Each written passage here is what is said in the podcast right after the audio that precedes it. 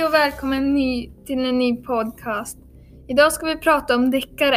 Jag heter Vilja och jag har läst boken Fladdermusmannen och författare är Jo Näsbø.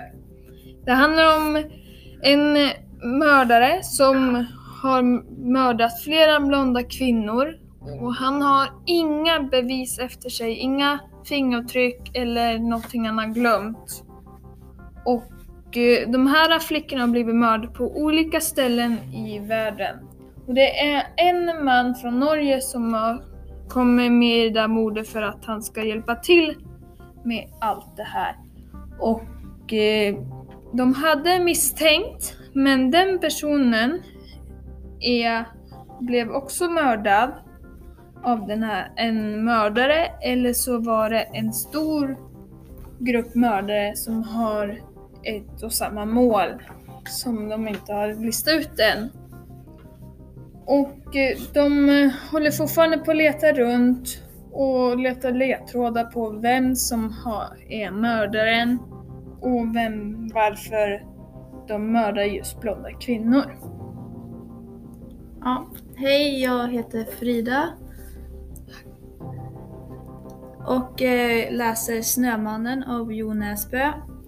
Eh, det börjar med att en kvinna i Osloområdet eh, försvinner från hennes man och son mitt i natten och då måste Harry Hole, tror han heter, eh, och försöka hitta henne, se om det, hon är död eller inte.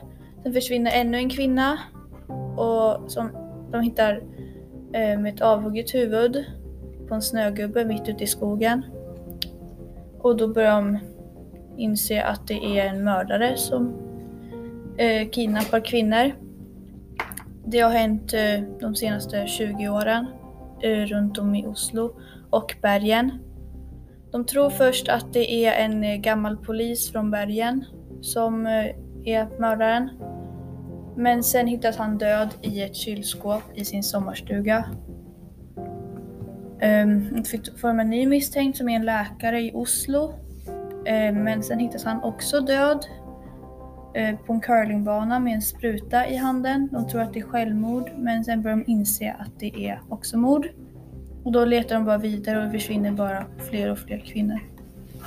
Mm. Ja, jag heter Dado. Jag läser en bok som heter Stormvarning.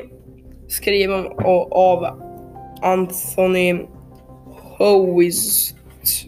Ja, det är en 14-årig pojke som är föräldralös och hans morbror får ta hand om honom.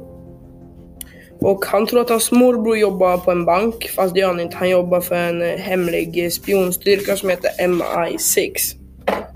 Hans morbror blir mördad och eh,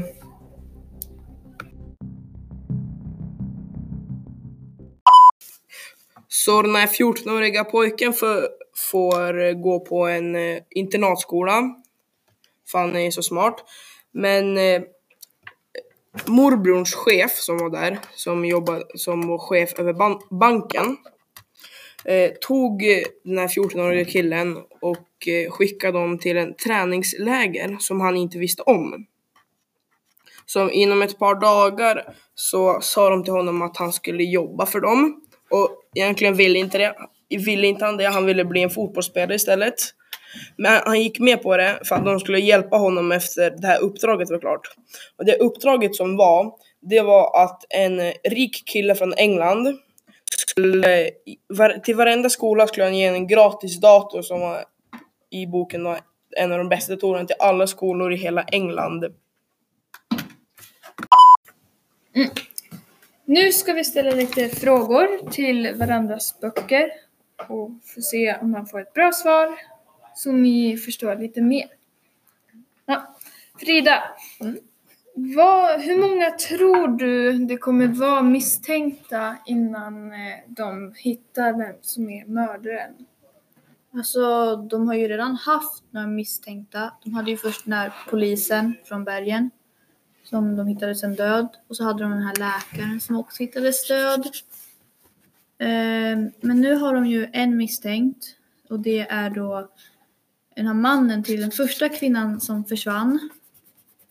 Ehm, Filip Becker. Han sitter, han sitter häktad för att han eh, hade setts hos den senaste kvinnan precis då hon försvann. Ehm, och han hade en pistol hemma hos sig som han typ hotade med att skjuta polisen med. Vad tycker du som är spännande i boken då? Om, om det finns någon spänning. Ja, det är det att de tror att eh, de har mördaren men sen så liksom fortsätter det med att de letar efter den som har gjort det. De kallar den för Snömannen.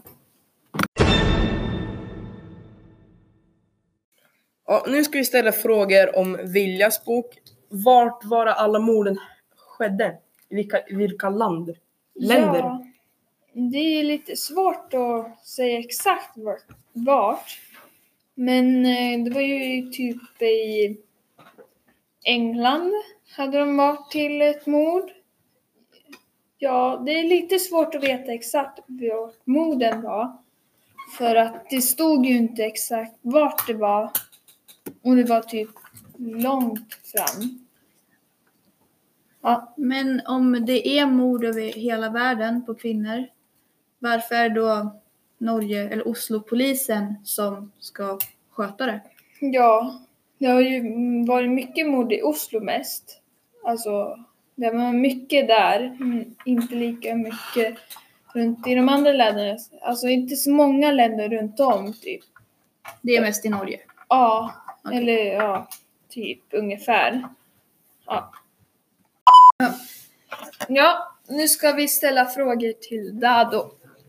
Ja, Ja, alltså jag har en fråga och det är varför ska just han åka till det här lägret eller vad det nu är?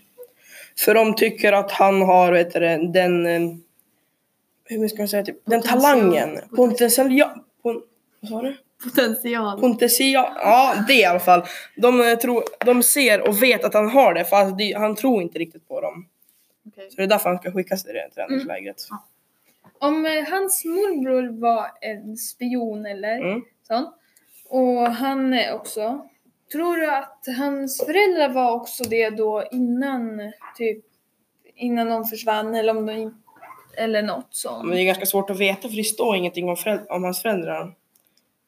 För det står att hans förmyndare är hans morbror. Det är den som står, det står ingenting mer annat. För det är ingenting i mer han, annars hade han inte blivit skickad till det här träningslägret. Mm. Om inte han hade, om han hade haft någon mer så här eh, familjemedlem som skulle kunna ta hand om honom. Ja, jag har en till fråga. Ja. Eh, finns det någon tidigare bok?